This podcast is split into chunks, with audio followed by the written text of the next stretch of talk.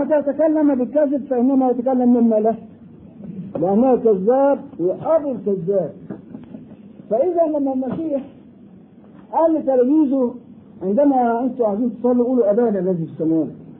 ولما جه يندد باليهود قال لهم أنتم من أبي. مين هو أبوهم ده؟ إبليس. فنسبة الأبوة بالنسبة لليهود إنهم كذابين وقتالين. فهم ينتسبوا إلى إلى الشيطان أو إلى إبليس. إنما نسبة المؤمنين اللي هم آمنوا بالمسيح وآمنوا بالله الواحد الأحد هم نسبة إن هم أولاد الله أو أبناء الله. ودي كلها يعني مسائل مجازية ما هيش حقيقية على الإطلاق. آه في إنجيل يوحنا أصحاح سبعة عدد 16 إلى 19 إنجيل يوحنا أصحاح سبعة عدد 16 إلى 19 إن شاء أحد أن يعمل, أن يعمل مشيئته يعرف التعليم هل هو من الله أم أتكلم أنا من نفسي. من يتكلم من نفسه يطلب مجد نفسه. وأما من يطلب مجد الذي أرسله فهو صادق وليس فيه ظلم. آه في إنجيل يوحنا أصحاح 12 من عدد 44 إلى 46 أنا بجيب يعني نفس إنما أنا قدام مني حوالي 1 2 3 4 5 6 7 8 حوالي 20 نص. تؤكد أن المسيح رسول الله. إنجيل يوحنا 12 من 44 إلى 46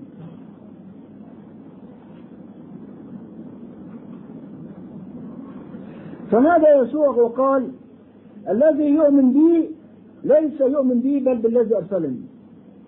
الذي يؤمن بي ليس يؤمن بي بل بالذي أرسلني يعني بالله سبحانه وتعالى.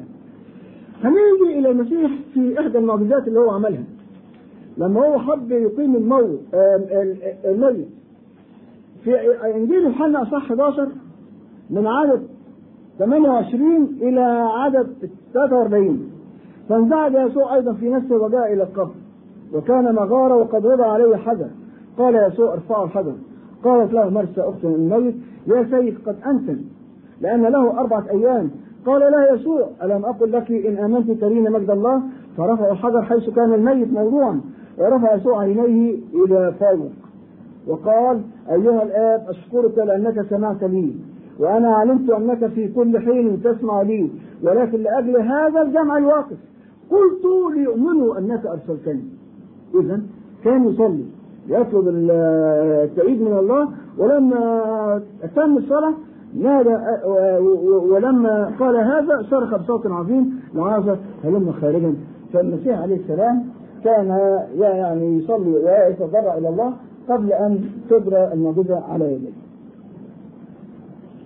نيجي إلى المسيح كان ينادوه بالمعلم ومعنى المعلم هنا لها خلفية كبيرة جدا لأن المعلم هو الإنسان الذي يخوضه تلاميذ زي الفلاسفة أفلاطون وارسطاليس وفيثاغورس والرواقيين والجماعة دول فالمسيح عليه السلام لما جاء وظهر اتخذ لنفسه 12 من من التلاميذ في إنجيل متى وإنجيل مرقس وإنجيل لوقا نبص نلاقي هنقرأ أنا الحاجة اللي جت في إنجيل متى ونشوف إيه المقصود منها.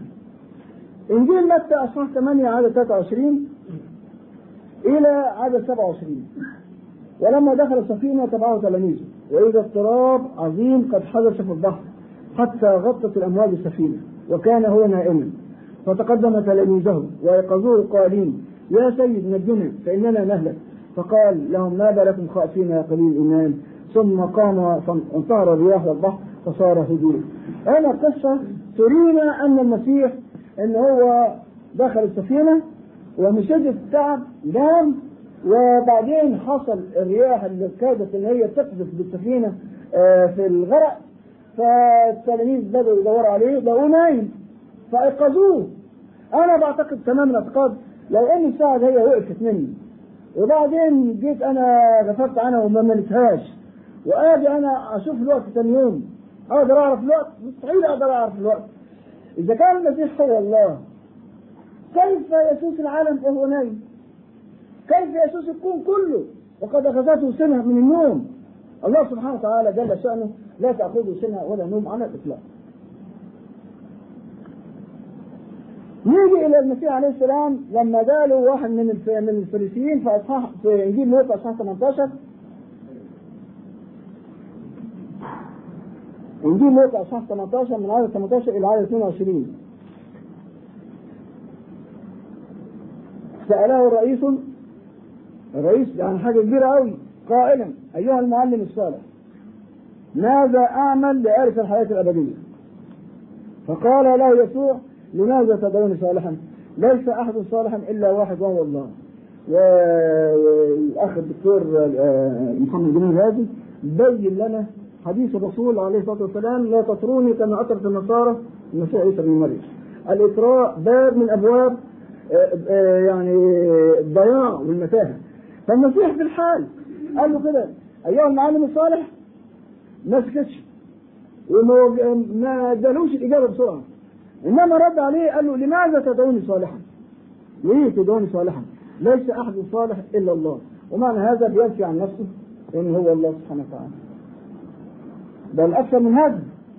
أن المسيح عليه السلام لما في إنجيل مرقس جاله برضه واحد بيساله أي أي الوصايا أنا أقدر أعملها؟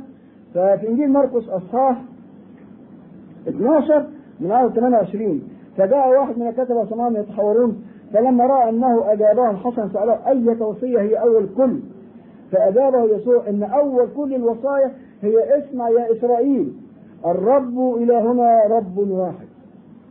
ما ادعاش إن هو الله سبحانه وتعالى. اطلاقا يعني. ولما نيجي أيضا في إنجيل يوحنا اصحاح 17 نبص نلاقي إن هو بينادي بالتوحيد. يعني بيقول إيه بقى؟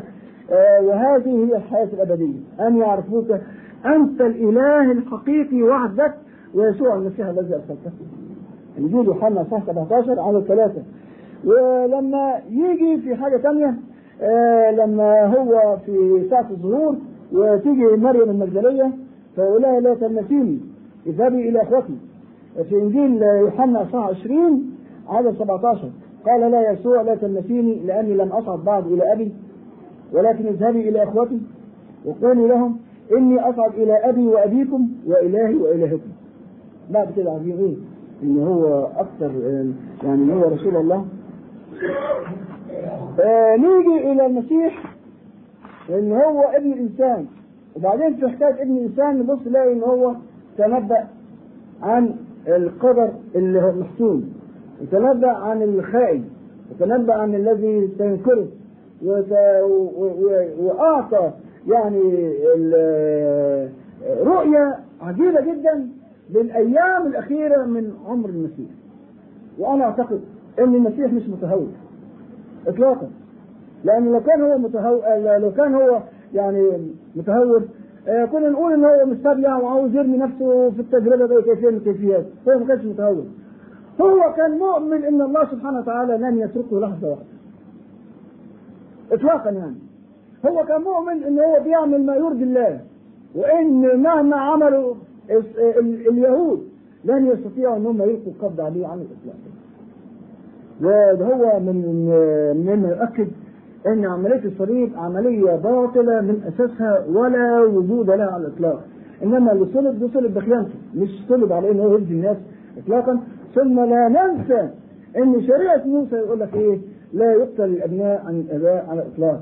ثم لا ننسى أيضا في إحدى يعني مراحل الشفاء قال إن لابن الإنسان سلطان أن يغفر له السلطان أن يغفر فكان هو يقدر يغفر بكلمة منه. إيه؟ الداعي للمسألة العك الكبيرة اللي عملوها دي هي وأنا يعني أحب أقول إن دي لها مصدر فعلا ومصدر وثني غريب دخل في المسيحية فضيع المسيحية. طيب المسيح عليه السلام كان يسلك كما يسلك البشر. لما جاء المسيح عشان الله سبحانه وتعالى يعده للرسالة أنا عايزك تفكر معايا يعني من غير رجوع للكتاب المقدس ولا إلى أي شيء. لما الله سبحانه وتعالى أراد إن هو يعد سيدنا موسى عليه السلام ليكون رسول الله. إحنا نعلم كلنا وأنتم بالإصالة تعرفوا إن موسى تربى في بيت فرعون. وتهذب بكل حكمة المصريين. معنى هذا إن هو راجل مع أعلى الشهادات ومع أعلى الدرجات. وبعدين هذا في نظر الله لا يصلح للخدمة على الإطلاق. لأن العلم والغرور يعني قرينان بعضهم البعض. فالعالم اللي هو يعني اعتز بالدرجة بتاعته ده ما ينفعش من الخدمة إطلاقا ويتمنى يعني يمتن على الله بالعمل بتاعه. لما ربنا يعمل إزاي؟ لاحظوا إن الاقدار لا تسير كده اعتباطا. يعني موسى يخرج وبعدين يلاقي اثنين يقتتلان فطبعا دمه يحن لليهود اللي زيه فجه ضرب المصري قتله وبعدين راحت الحكاية دي جه ثاني يوم لا اثنين إسرائيليين بيتخانقوا مع بعض. فحب يخلص قالوا له تعالى تقتلني زي ما قتلت المصري. فاتعرف إن هو إيه آه قاتل وفرعون 100% هيعدمه فهرب. اذا النقطة اللي إحنا بنشوفها ظاهرا إن موسى قتل واحد وهرب بحياته لكن ده ربنا هو اللي ساقه إلى هذا الأمر. ساقه ليعيش في البرية أربعين سنة ينظر إلى السماء وإلى الأرض وإلى الأغنام وإلى و و وهنا وهنا يعني هو يروض نفسه على الدعوة اللي هي إيه ينبغي أن تكون. فموسى قعد 40 سنة تحت عناية الله ورعاية الله وفي القرآن الكريم يقول إيه؟ أنا اصطنعتك لنفسي. فالله اصطنع موسى عليه السلام. نيجي إلى قصة مين؟ إلى قصة يوسف. كان يوسف محبوب عند عند يعقوب. وكان مدلل ورأى الشمس والقمر ورأى السنابل وإلى آخره. واللي حصل إن إخواته اغتاظوا منه وحسدوه وابتدوا يتأمروا عليه. هم رموه في الدب بدل ما يقتلوه وبعدين راح إلى مصر. بيع إلى عبد رئيس الكهنة هناك في مصر. وبعدين قعد طبعا مذلول اتقطع من أبوه وأبوه يعني مشتاق عليه. كل الأحداث الظاهرة إن يوسف زج لي إلى مصر كعبد لكن ده ربنا حب يروضه أكثر من هذا إن ربنا حب يعني يعني يبرئ يوسف ويعطي للعالم والملأ كله أن هذا الإنسان نقي جدا جدا جدا. في الحاسه بتاعت امرأة فوتيفار حصل ما جاء في التوراة. وبعدين نجد ان يوسف يعني كان مستحيل عليه أن يقترف شيء يغضب الله سبحانه وتعالى. من هذه النقطة بالذات آه ربنا آه أعطى فرعون حلم أن هو يحلم ويسأل عن اللي يفسروا له وكانت هي مدعاة أن هو يستجلب يوسف. ويوسف يعبر عن الحلم. وياخذ إيه؟ أن هو يكون الشخص الثاني بعد فرعون.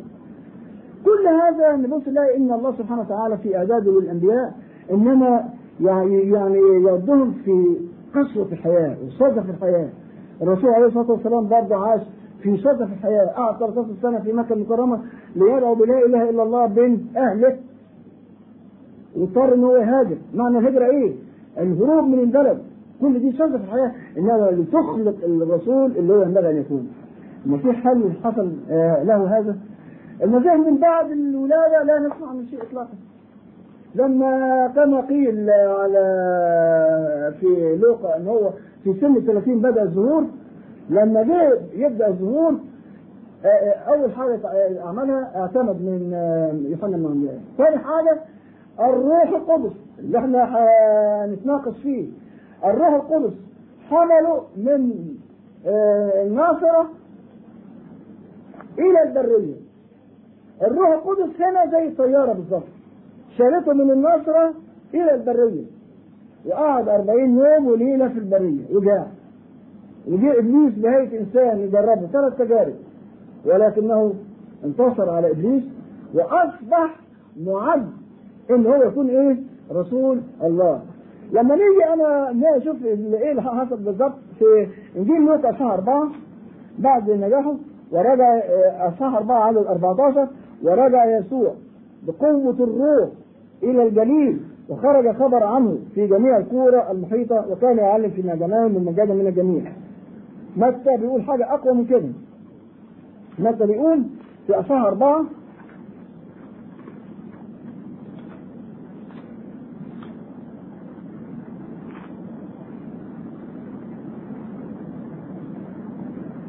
ثم تركه إبليس وإذا ملائكة قد جاءت فصارت تخدمه يبقى كأن المسيح عليه السلام أعد كما أعد أي نبي من الأنبياء للرسالة. إنما بني إسرائيل هم هم الناس اللي هم لما قتلوا الأنبياء لأن في إنجيل متى صح 23 يقول لك يا أورشليم يا أورشليم يا قتلة الأنبياء يا راجمة المرسلين. فهو عارف إن الشعب ده قتال الأنبياء وبيرجم المرسلين. المسيح عليه السلام ده هو المسيح؟ في ذاته.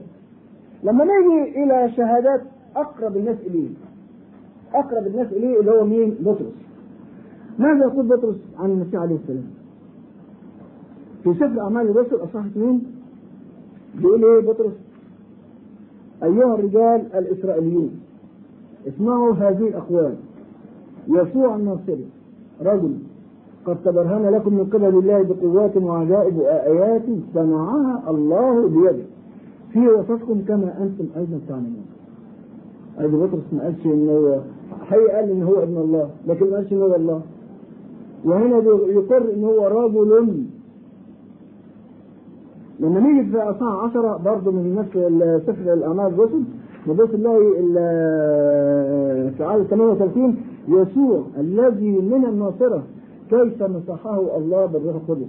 والقوة الذي جال يصنع خيرا ويشفي جميع المسلط عليهم إبليس. لأن الله كان معه. مش لأنه هو الله. أفتكر دي كلها تبين إن المسيح رسول الله وان هو إنسان بشر آه زي ما شاهد له آه بطرس في الشهاده بتاعته.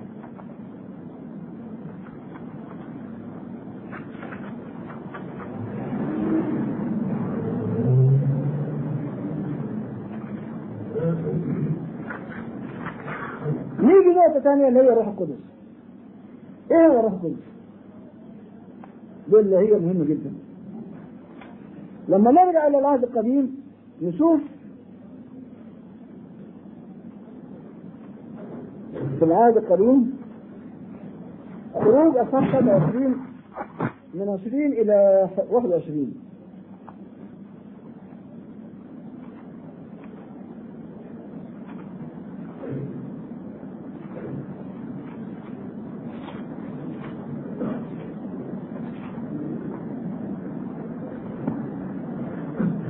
خروج أصحاح 23 من 20 إلى 21 ها أنا مرسل ملاكا أمام وجهك ليحفظك في الطريق وليجيء بك إلى المكان الذي أعددته احترز منه واسمع لصوته ولا تتمرد عليه لأنه لا يصفح عن ذنوبكم لأن اسمي فيه. لأن اسمي فيه. أنا عايز أفسر كلمة اسمي فيه. يعني أنا في النظم الدولية لما في سفراء عن عن الدول فأي مساس بأي سفير يعتبر مساس بالدولة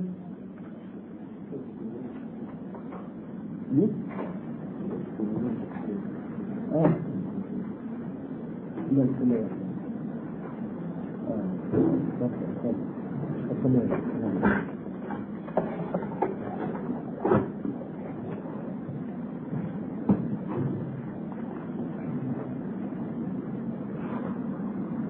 فعلى مستوى السفارات أي مساس بالسفير هو مساس بالدولة اللي منها السفير. فهنا الله سبحانه وتعالى بيقول إيه؟ ها أنا مرسل ملاكا أمام أمام وجهك ليحفظك في الطريق وليجيء بك إلى المكان الذي اعددته. احترز منه واسمع لصوته ولا تتمرد عليه لأنه لا يصفح عن ذنوبكم لأن اسمي فيه. طيب. نيجي في سفر صمويل الأول اصحاح 10 في قصة تتويج شاول ملك على إسرائيل. صمويل الأول أصحاح 10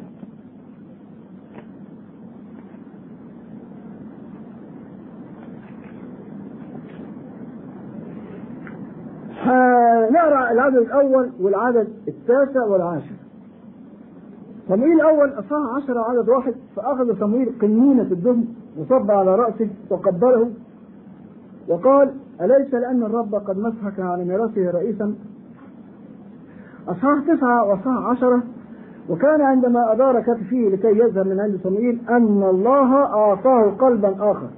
وأتت جميع هذه الآيات في ذلك اليوم ولما جاءوا إلى هناك إلى جبعة إذا بزمرة من الأنبياء لقيته فحل عليه روح الله فتنبأ في وسطه. طيب حل عليه روح الله. وعايزين نعرف بقى هل روح الله بيستفيد في الإنسان ولا ممكن يعني آه، يخرج من الإنسان ويرجع الانسان ثاني أو أو إلى آخره.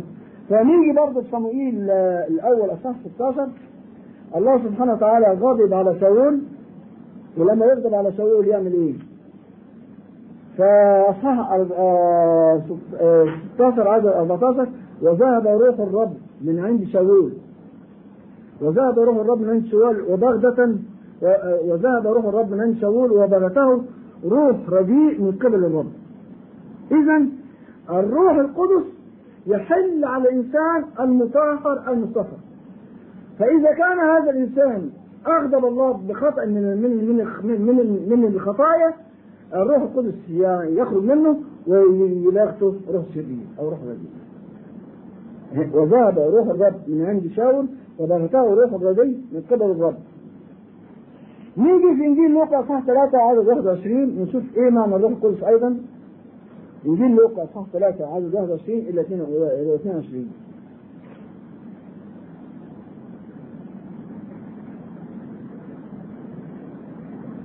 في حالة المعمودية لما اعتمد المسيح من يوحنا المعمدان نزل عليه الروح القدس بهيئة جسمية مثل حمام. يبقى روح القدس عند المولد الروح القدس عند المعمودية. الروح القدس عند التجربة. كم مرة دلوقتي؟ فنقدر نقول إن الروح القدس مش ثابت في الإنسان ولكن بيمنطق الإنسان في الوقت المناسب. نزل عليه الروح القدس. طب مش هو اتولد بقوة الروح القدس؟ إزاي أي روح قدس الثاني فدي دليل على إن الروح القدس شيء والمسيح شيء آخر. ذات المسيح شيء وذات الروح القدس شيء آخر. لما نيجي في إنجيل لوقا اصحاح واحد على 13 إلى 15 على 13 إلى 15 دي عن يوحنا المعمدان اللي هو من بطن أمه يمتلئ من الروح القدس. وبرضه إنجيل لوقا عدد واحد اصحاح واحد عدد 34 ده عن مولد المسيح عليه السلام. وبعدين 67 عن امتلاء زكريا بالروح القدس. وبعدين في مرقس اصحاح 3 عدد 28 يقول إيه؟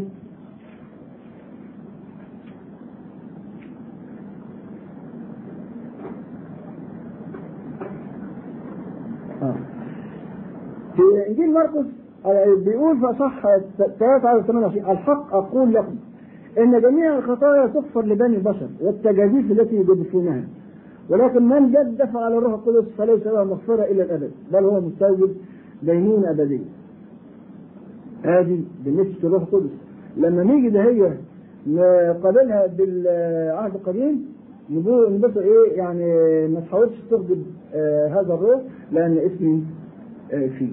فهنا برضه أي خطية ضد الروح القدس لا تغفر لاي إنسان. وهذا الأمر تكرر في إنجيل متى وفي إنجيل لوقا.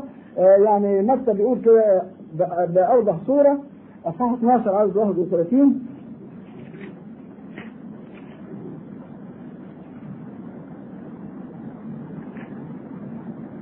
من قال كلمة على ابن أي لذلك أقول لكم كل خطية وتجديف يغفر للناس وأما التجديف على الروح القدس فلن يغفر للناس.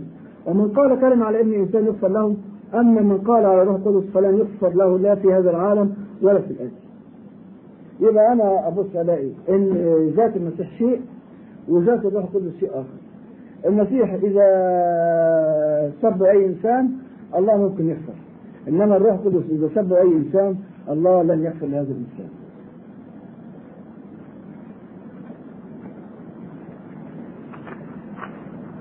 الحاجة الثانية اللي عايزين نعملها المعجزات اللي عملها المسيح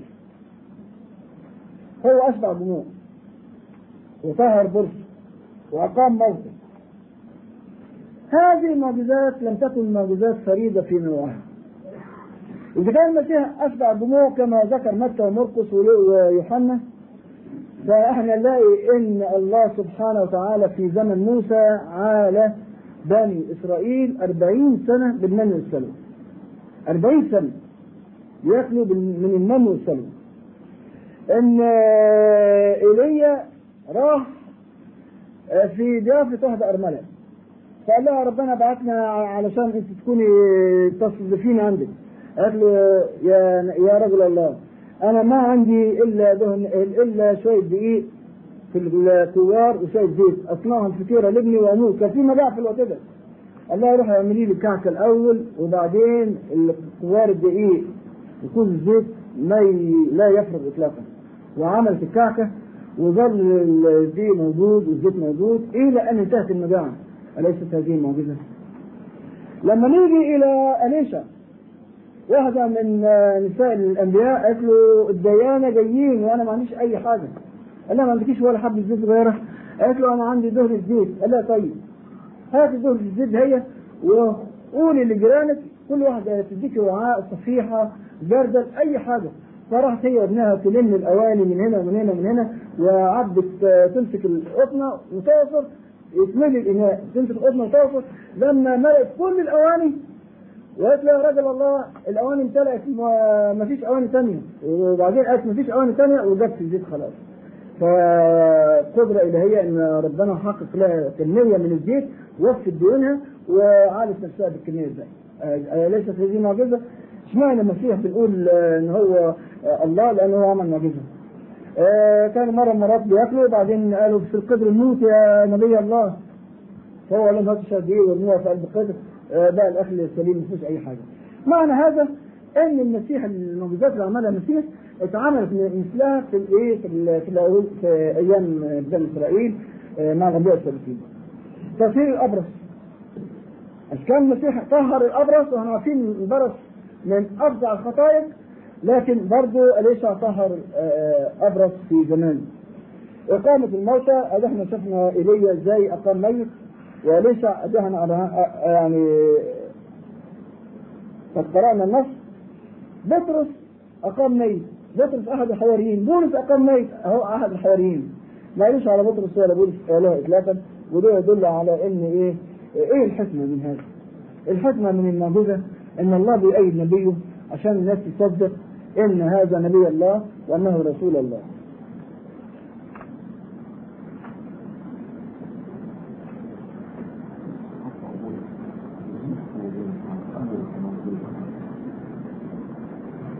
خمس دقائق كده. وجود قالوا استراحة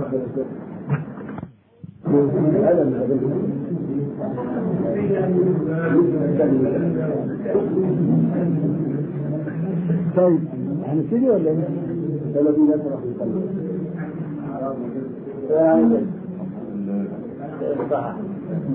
محمد أنا يا حاجة عادة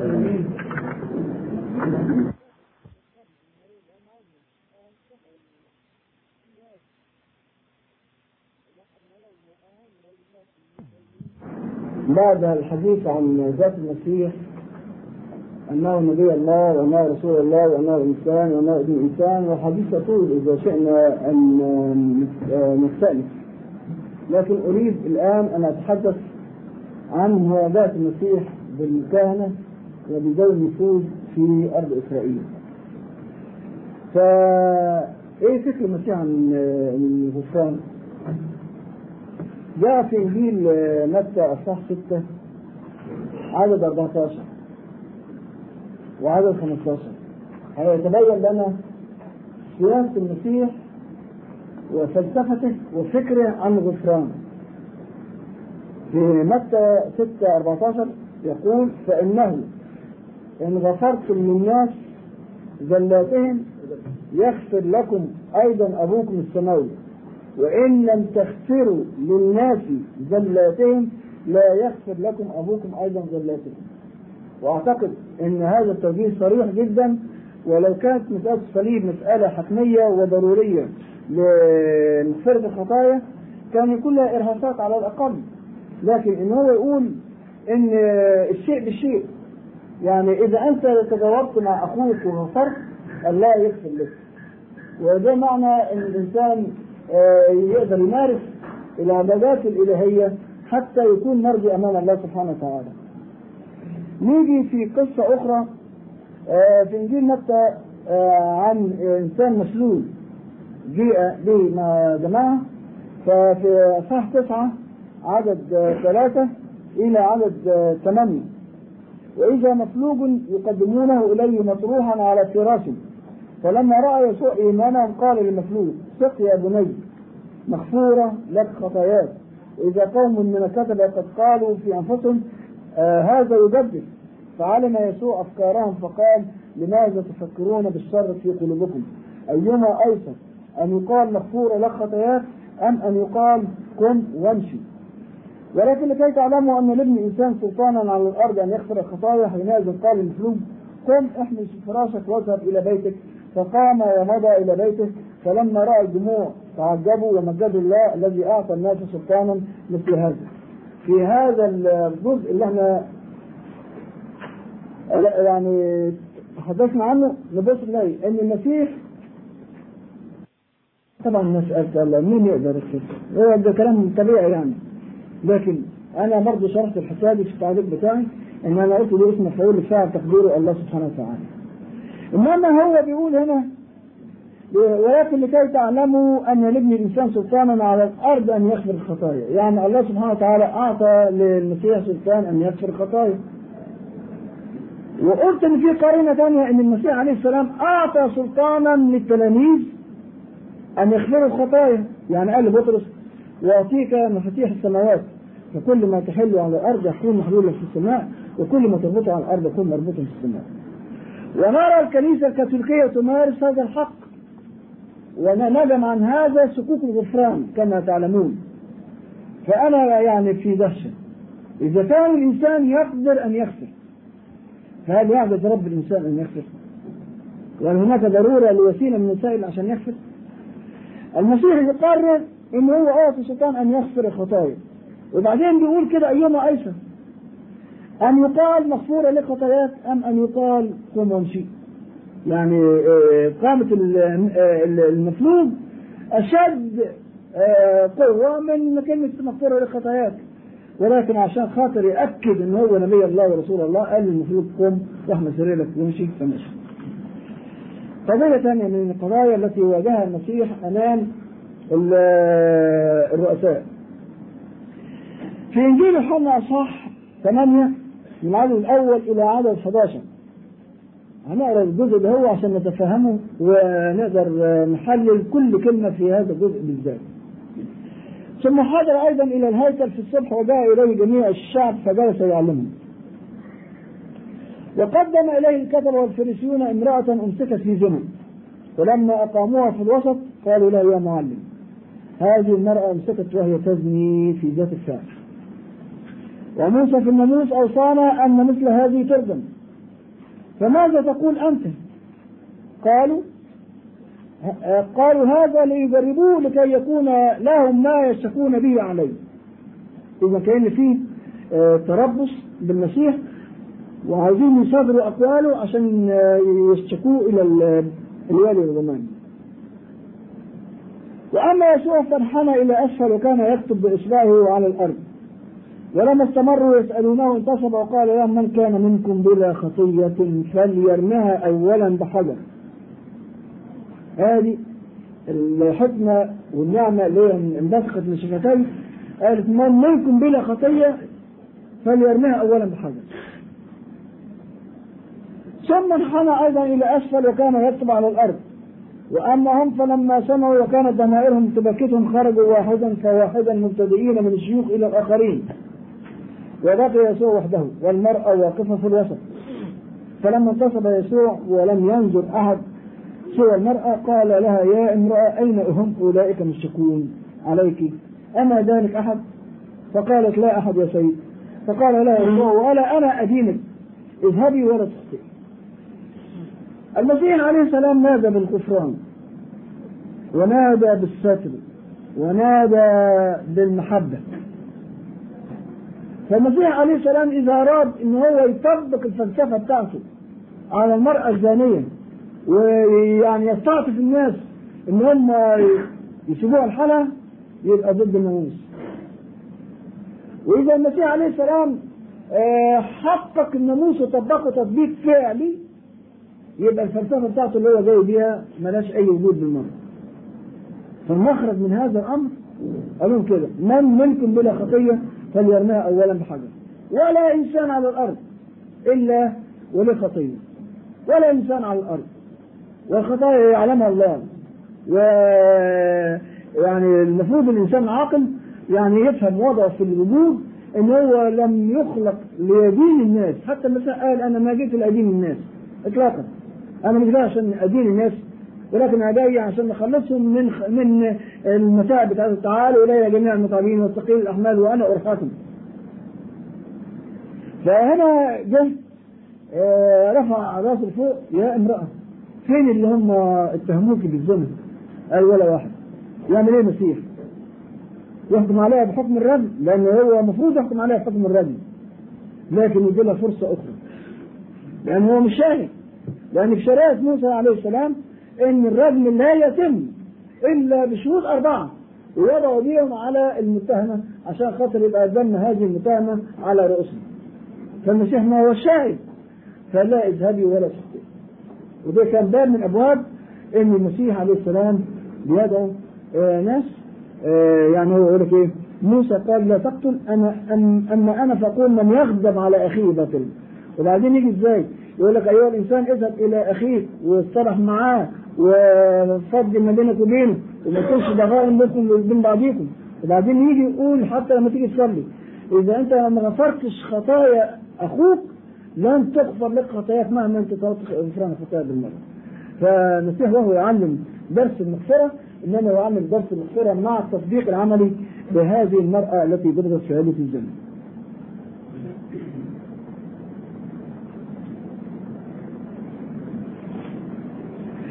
نيجي في إنجيل لوقا صح 11 أو عدد 53 عشان نشوف يعني التربص بالمسيح عليه السلام كبشر. إنجيل لوقا صح 11 عدد 53 إلى عدد 54 وفيما هو يكلمهم بهذا ابتدأ الكتبة والفريسيون يحنقون جدا ويصادرونه على أمور كثيرة وهم يراقبونه طالبين أن يصطادوا شيئا من فمه لكي يشتكوا عليه. التربص مع المسيح أخذ مواضع غريبة جدا. من هذه المواضع تجربة رملة. حب إن هم يوقعوا بينه وبين الوالد ففي لوقا 20 نشوف بيقول إيه في لوقا 20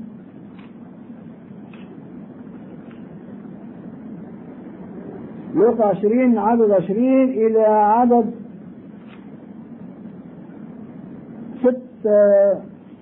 26 فراقبوه وأرسلوا جواسيس يتراءون أنهم أبرار لكي يمسكوه بكلمة حتى يسلموه إلى حكم الوالي وسلطانه. فسألوه قائلين يا معلم نعلم أنك بالاستقامة تتكلم وتعلم ولا تقبل الوجود بل بالحق تعلم طريق الله. أيجوز لنا أن نعطي جزية لقيصر أم لا؟ هذا السؤال. فشعر بمكرهم. وقال لهم بماذا تجربونني؟ أروني دينارا لمن الصورة والكتابة فأجابوا وقالوا لقيصر. فقال لهم أعطوا ما لقيصر لقيصر وما لله لله. فلم يقدروا أن يمسكوه بكلمة قدام الشعب وتعجبوا من جوابه وسكتوا النقطة هي بتاعت المصادرة إن في حاجة اسمها الشاقل. في عملة إسرائيلية وفي عملة رومانية. حتى العشرين اللي هم كانوا بياخدوا الضريبة كانوا بياخدوا الضريبة هم يهود. لكن بياخدوا الضريبة لصالح الحاكم الروماني. فهم دول يعتبروا بالنسبة للمواطنين أمثالهم خونة. خونة لأن هم خونة عقائديا. فالمسيح إذا قال لهم ما تعطوا إطلاقا جزية لقيصر يبقى ده اتهام صريح إن هو بينافس قيصر وعايز يكون ملك وإذا هو قال لهم أعطوا جزية لقيصر أعطوا جزية لقيصر اذا هو يعني مش عايز ينتمي إلى الهيكل ومش عايز يثبت مسألة الشاقق ده هو. فهو قال لهم وريني الدماغ وهو شاف الوش والده فلمن الصورة لمن الكتابه وقال الكلمة بتاعته ما لقيصر لقيصر وما لله لله. أنا عايز أقول حاجة أكثر من كده المسيح عليه السلام كان يعتبر عبد. كان يعتبر عبد. وفي ضريبة على الأفراد. وكان المفروض المسيح يدفع ضريبة عنه وعن التلاميذ أيضا. هذه المسيح يعتبر عبد من العبيد يخضع للحكم الروماني.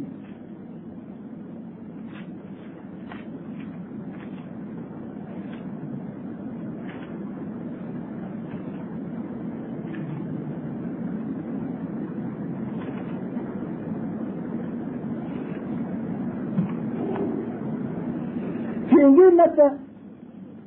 أصحاح 17 من عدد 24 إلى عدد 27 ولما جاء إلى كفر نحوم اللي هي في الجليل فقدم الذين يأخذون الدرهمين إلى بطرس وقالوا ألا يوفي معلمكم الدرهمين؟ يبقى كأن المعلم كان تحت الجزية أما يوفي معلمكم الدرهمين؟ قال بلى فلما دخل البيت سبقه يسوع قائلا ماذا تظن يا سمعان؟ ممن يأخذ الملوك الأرض الجباية أو الجزية؟ أمن بينهم؟ أمن بنيهم؟ أم من الأجانب قال له بطرس من الأجانب قال له يسوع فإذا البنون أحرار. ولكن لئلا نعثرهم اذهب إلى البحر وألقي سنارا والسمكة التي تطلع أولا خذها. ومتى فتحت فيها تجد إستارا فخذه وأعطهم عني وعنك. يبقى كان المسيح عليه السلام خاضع للجبهة وهنا يعتبر عبد لأن البنوة اللي هو عايز يقولها بنوة لله سبحانه وتعالى وطبعا زي الإنسان اللي هو لا حول له ولا قوة ويدعي الزعامة ويدعي إن هو قبضاي وبيفرض سيطرته على الناس وهو يعني يعني ما يسويش أي حاجة. المسيح كان عبد العبيد إنما قال لبطرس إحنا أولاد الله ما احناش أولاد العالم ده لكن عشان ما يتعثروش في الرسالة بتاعتنا اعمل كذا وكذا. فدافع عن نفسه اذا كان المسيح عبد تحت الجزية الجزية الرومانية.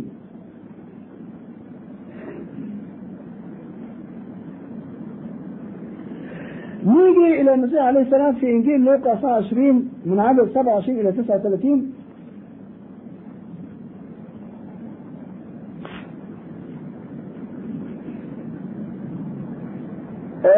في اليهودية كان في فرق. الفريسيون والصدقيون. الفريسيون يؤمنون بالقيامة من الأموات وبالبعث ويؤمنون بالحساب ويؤمنون بالجنة ويؤمنون بالنار. الصدقيون لا يؤمنون بهذا كله. وطبعا الاثنين لا أقوياء. فحضر قوم من الصدقيين الذين يقاومون أمر القيامة وسألوه. قائلين يا معلم كتب لنا موسى إن مات لأحد أخ وله امرأة ومات بغير ولد يأخذ أخوه المرأة ويقيم نسلا لأخيه. فكان سبعة إخوة وأخذ الأول امرأة ومات بغير ولد فأخذ الثاني المرأة ومات بغير ولد. ثم أخذها الثالث وهكذا السبعة ولم يتركوا ولدا وماتوا. وآخر الكل ماتت المرأة أيضا. ففي القيامة لمن؟ منهم تكون زوجة لأنها كانت زوجة للسبعة.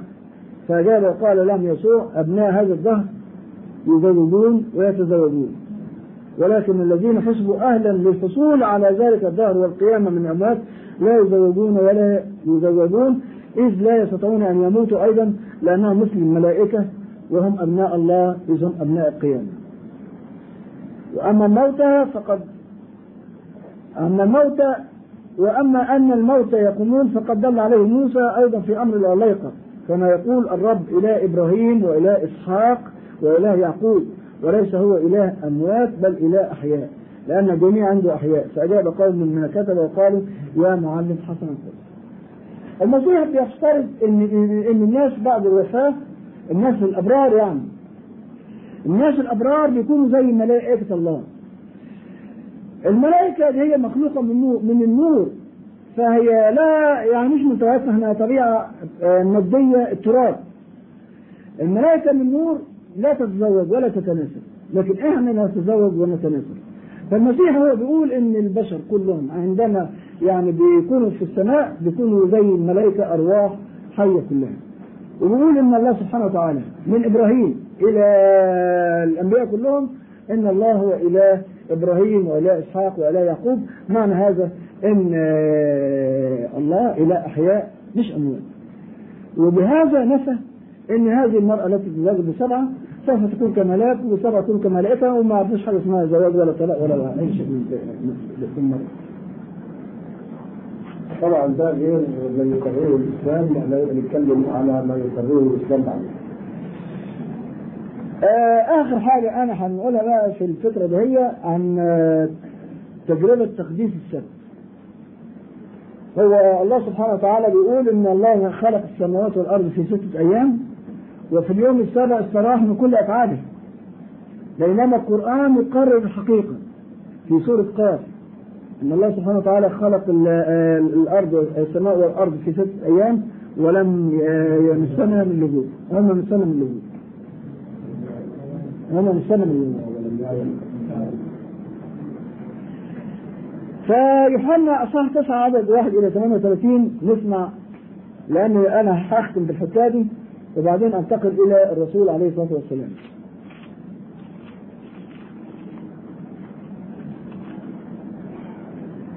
إنجيل يوحنا اصحاح 9 من 1 إلى 38 نبص نلاقي هي قصة طويلة قوي لكن هنقرا منها جزء وبعدين نبين ال- آه، جوهر القصة. وفيما هو مجتاز رأى إنسانا أعمى منذ ولادته. فسأله تلاميذه قائلين يا معلم من أخطأ هذا أم أبوان؟ حتى ولد أعمى. أجاب يسوع لا هذا أخطأ ولا أبوان لكن لتظهر أعمال الله فيه. شوفوا يعني لغاية النهاردة بيبين إن هو رسول الله. ولكن لكي تظهر أعمال الله فيه وهو رسول الله لابد أن يعمل عمل عشان يبين أن الله يتمجد في هذا العمل ينبغي أن أعمل أعمال الذي أرسلني ما دام نهارا. طبعا. يأتي ليل حين لا يستطيع أحد أن يعمل. ما دمت في العالم فأنا نور العالم ده مجاز. وأنا أحب أقول المجاز هو ورد كتير قوي في التوراة. فمثلا في تعبير مثلا عن إله الله سبحانه وتعالى يقول لموسى أنا جعلتك إله على هارون أنا جعلتك إله على مين؟ على فرعون فنبص نلاقي الكلام ده إزاي؟ هل يجوز إن الله يقول أنا جعلتك إله؟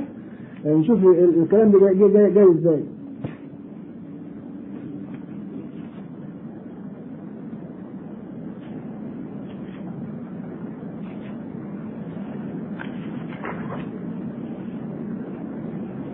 خروج 4 16 وخروج 7 1 4 16 بيقول إيه بقى؟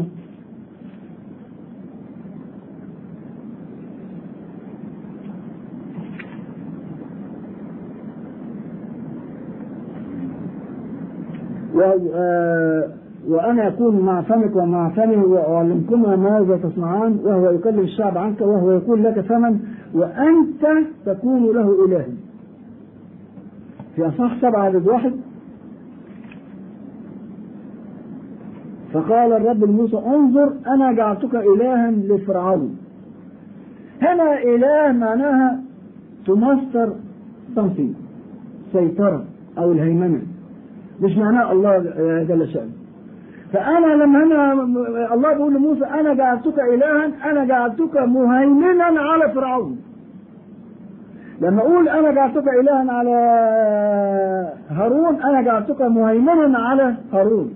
يبقى في حاجات صفات لله سبحانه وتعالى هم بيستعملوها للبشر ولكن بيستعملوها استعمال مجازي. ومع كل هذا هو خطأ جدا إن هم يستعملوا صفات الله للبشر ذاتهم يعني. ففي حاجات كثيرة جدا يعني أتت آه وهي آه من خصائص الله سبحانه وتعالى بيطلعوها على أنفسهم. فبيقول هنا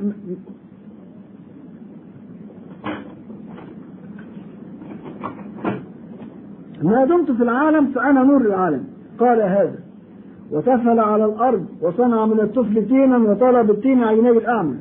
وقال له اذهب اغتسل في بركة سوان الذي تفسيره مرسل فمضى واغتسل وأتى بصيرا. وإحنا عندنا في القرآن الكريم إن المسيح عليه السلام يعني يخلق فشبه الطير فيكون طيرا بإذن الله.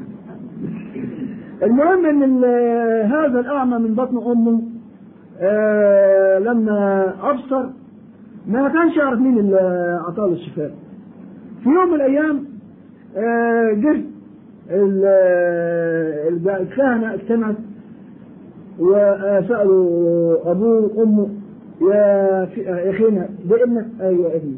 طيب مين اللي خلاه بصير؟ أنا ما أعرفش. يا أم دي إبنك؟ أيوه مين اللي خلاه بصير؟ ما يعرفش ليه؟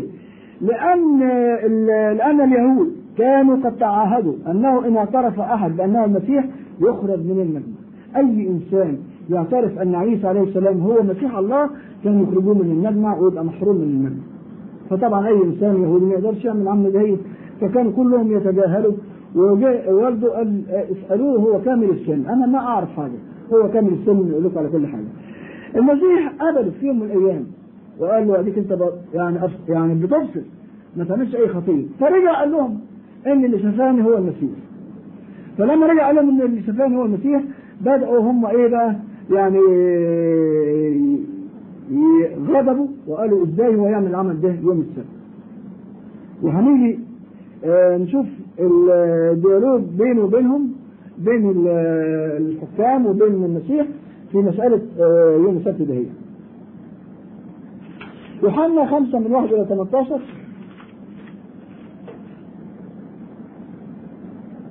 برضه في موضوع زي الموضوع بتاع الراجل الأعمى ده من بطن من بطن أمه.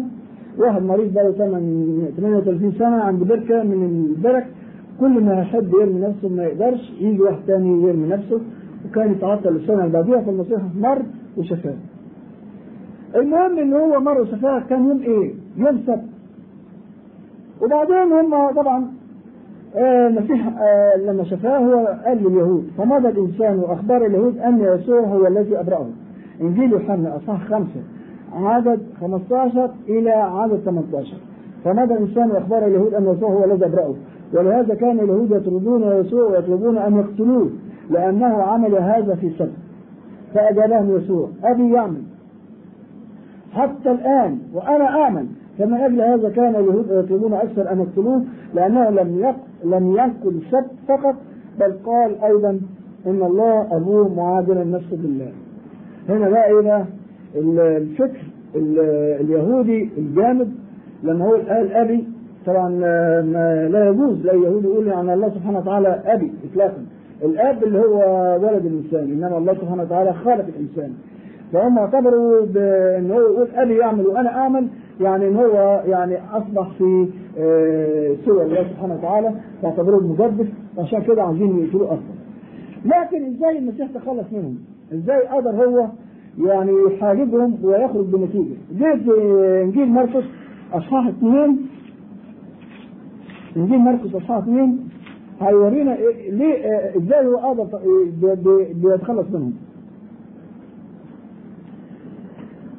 آه، ثم قال لهم السبت انجيل مرقس اصحاح 2 من عدد 27 السبت إنما جعل لأجل الإنسان لا الإنسان لأجل السبت. إذ ابن الإنسان هو رب السبت أيضا. بمعنى إيه؟ ده التفسير المعنوي للشريعة, هو الله سبحانه وتعالى قال لبني إسرائيل يوم السبت قدس يوم السبت. افرزوا. ما تشتغلش فيه. معنى هذا؟ إنك أنت تعبدني بس وتريح نفسك. فهم أصبحوا من الجمود إن لدرجة إن هم يبدوا يبدوا نايمين على الأسرة أو قاعدين جلوس أو أي حاجة ولا يشعلوا سقاب ولا حتى إن كان في عقربه قدام منهم ما يقتلهاش ولا أي حاجة من هذا القبيل ويفضلوا قاعدين كده بلا عمل. بعدين قال لهم لا دي مش ال- الهدف اللي ربنا اراده ربنا أراد إن كنتم تعبدوه حقيقة لكن آه أنتم رب السبت وأنتم مسيطرين على السبت مش السبت المسيطر عليكم. وبعدين جه برضه حاجة باليهود قال لهم إذا كان الخروف بتاعك بيقع في حفرة تنجيه ولا تسيبه؟ طبعا هم بينجوا. إذا كان ابنك بلغ ثمان أيام ولابد أن يختن تختنه ولا ما تختنوش؟ يختن وهذه كلها أعمال تعتبر مناقضة ليوم السبت وبهذا الطريق استطاع أن هو يعني يتخلص منهم لكن مهما تخلص منهم هم ناويين يعني يتخلصوا منه بالقتل أو بالنفي أو بأي وسيلة من الوسائل وبعد كده الموضوعات هي بتاعت الصلب والقيامة والظهور وهو الآخر وفاها السيد اللواء بكل جدارة وإن شاء الله نلتقي معكم غدا في نبوة المسيح عن الرسول عليه الصلاة والسلام. طيب أي حاجة إيه؟ بسم الله الرحمن الرحيم وصلى الله وسلم وبارك على محمد وعلى آله وأصحابه أجمعين أمرنا وأمركم إلى الله الموضوع طويل والكلام فيه كثير ولا تغطيه الليالي المتعاقبة ولا المحاضرات الكثيرة ولا المناقشات الطويلة ولكننا نجتزئ بالبعض عن الكل. أريد أن أحدثكم عن قانون الإيمان. أريد أن أحدثكم عن قانون الإيمان المسيحي. كيف نشأ قانون الإيمان المسيحي؟ وكيف نشأ وتجمع عبر مجموعة المؤتمرات الكنسية؟ نص القانون بيقول نص قانون الإيمان يقول نؤمن بإله واحد. آب ضابط الكل. خالق السماوات والأرض ما يرى وما لا يرى. نؤمن برب واحد. يسوع المسيح. ابن الله الوحيد. المولود من الآب قبل كل الدهور. نور نور من نور. إله حق من إله حق مولود غير مخلوق مساو للأب في الجوهر الذي به كان كل شيء. هذا هو الذي من أجلنا نحن البشر ومن أجل خلاص نفوسنا نزل من السماء وتجسد من الروح القدس ومريم العذراء وتأنس وصلب عنا على عهد بيلاطس البنطي وتألم وقبر وقام من بين الأموات في اليوم الثالث كما في الكتب وصعد إلى السماوات وجلس عن يمين أبيه وأيضا يأتي في مجده ليدين الأحياء والأموات الذي ليس لملكه انقضاء. ثم أضيفت إضافة أخرى. نعم نؤمن بالروح القدس الرب المحيي المنبثق من الآب نسجد له ونمجده مع الأب والابن الناطق في الأنبياء وبكنيسة واحدة مقدسة جامعة رسولية ونعترف بمعمودية واحدة لمغفرة الخطايا. وننتظر قيامة الأموات وحياة الدهر الآتي آمين. ثم أضيفت إضافة ثالثة حول تطويب العذراء.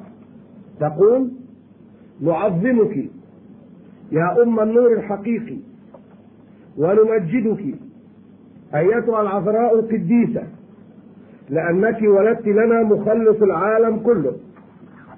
أتى وخلص نفوسنا. إضافة رابعة. وتمجيد السيد المسيح. المجد لك يا سيدنا. و... والمجد لك يا سيدنا. ولملكنا المسيح. فخر الرسل. إكليل الشهداء. تهليل الصديقين. ثبات الكنائس. غافر الخطايا. إضافة أخرى. التبشير بالثالوث الأقدس. نكرز ونبشر. بالثالوث الأقدس. لاهوت واحد. نسجد له ونمجده. يا رب ارحم يا رب ارحم. يا ربي إياك آمين. هذه هي قوانين الإيمان. نريد أن نمر عليها لنعرف كيف نفقت هذه القوانين وكيف وضعت بتلفيق. يعني حكاية الكلمات المتقاطعة التي في الصحف كيف جمعت هذه الكلمات؟ لأن كل كلمة واحدة لها مصدر. وتعالوا نفصص قانون الإيمان. ثم نبحث عن مصدر كل كلمة مفردة لنعرف كيف جمعوا هذا القانون ونفق وأصبح قانون إيمان قابل للتطوير. نقرأ. في سنة 325 اجتمع المؤتمر المسكوني في نيقيا بأمر الملك قسطنطين الكبير. وكانت المسألة الأولى والوحيدة. التي ناقشها المؤتمر هي طبيعة المسيح. وذلك بعد أن قرر القس أريوس الإسكندري رأيه في المسيح وأنه مخلوق. أريوس ده اللي جاب الإشكال اللي هو أسقف الإسكندرية. وقرر أن المسيح مخلوق. إحنا عاوزين ننقل عن بطريرك الإسكندرية تفاصيل ما جرى في مؤتمر نيقيا تعالوا نسمع ماذا يقول بطريرك آخر في الإسكندرية اسمه سعيد البطريق. سعيد البطريق أو ابن البطريق. بطريرك الإسكندرية له كتاب تاريخ اسمه نظم الجوهر. بيروي مقالة أريوس هذه وما كان لها من آثار في إثارة الخلاف والفرقة بين المسيحيين وما انتهى إليه الرأي فيه وفي مقولته. يقول ابن البطريق كان بالإسكندرية. ده ابن البطريق بيحدثنا عن أحداث أريوس. فيقول كان بالإسكندرية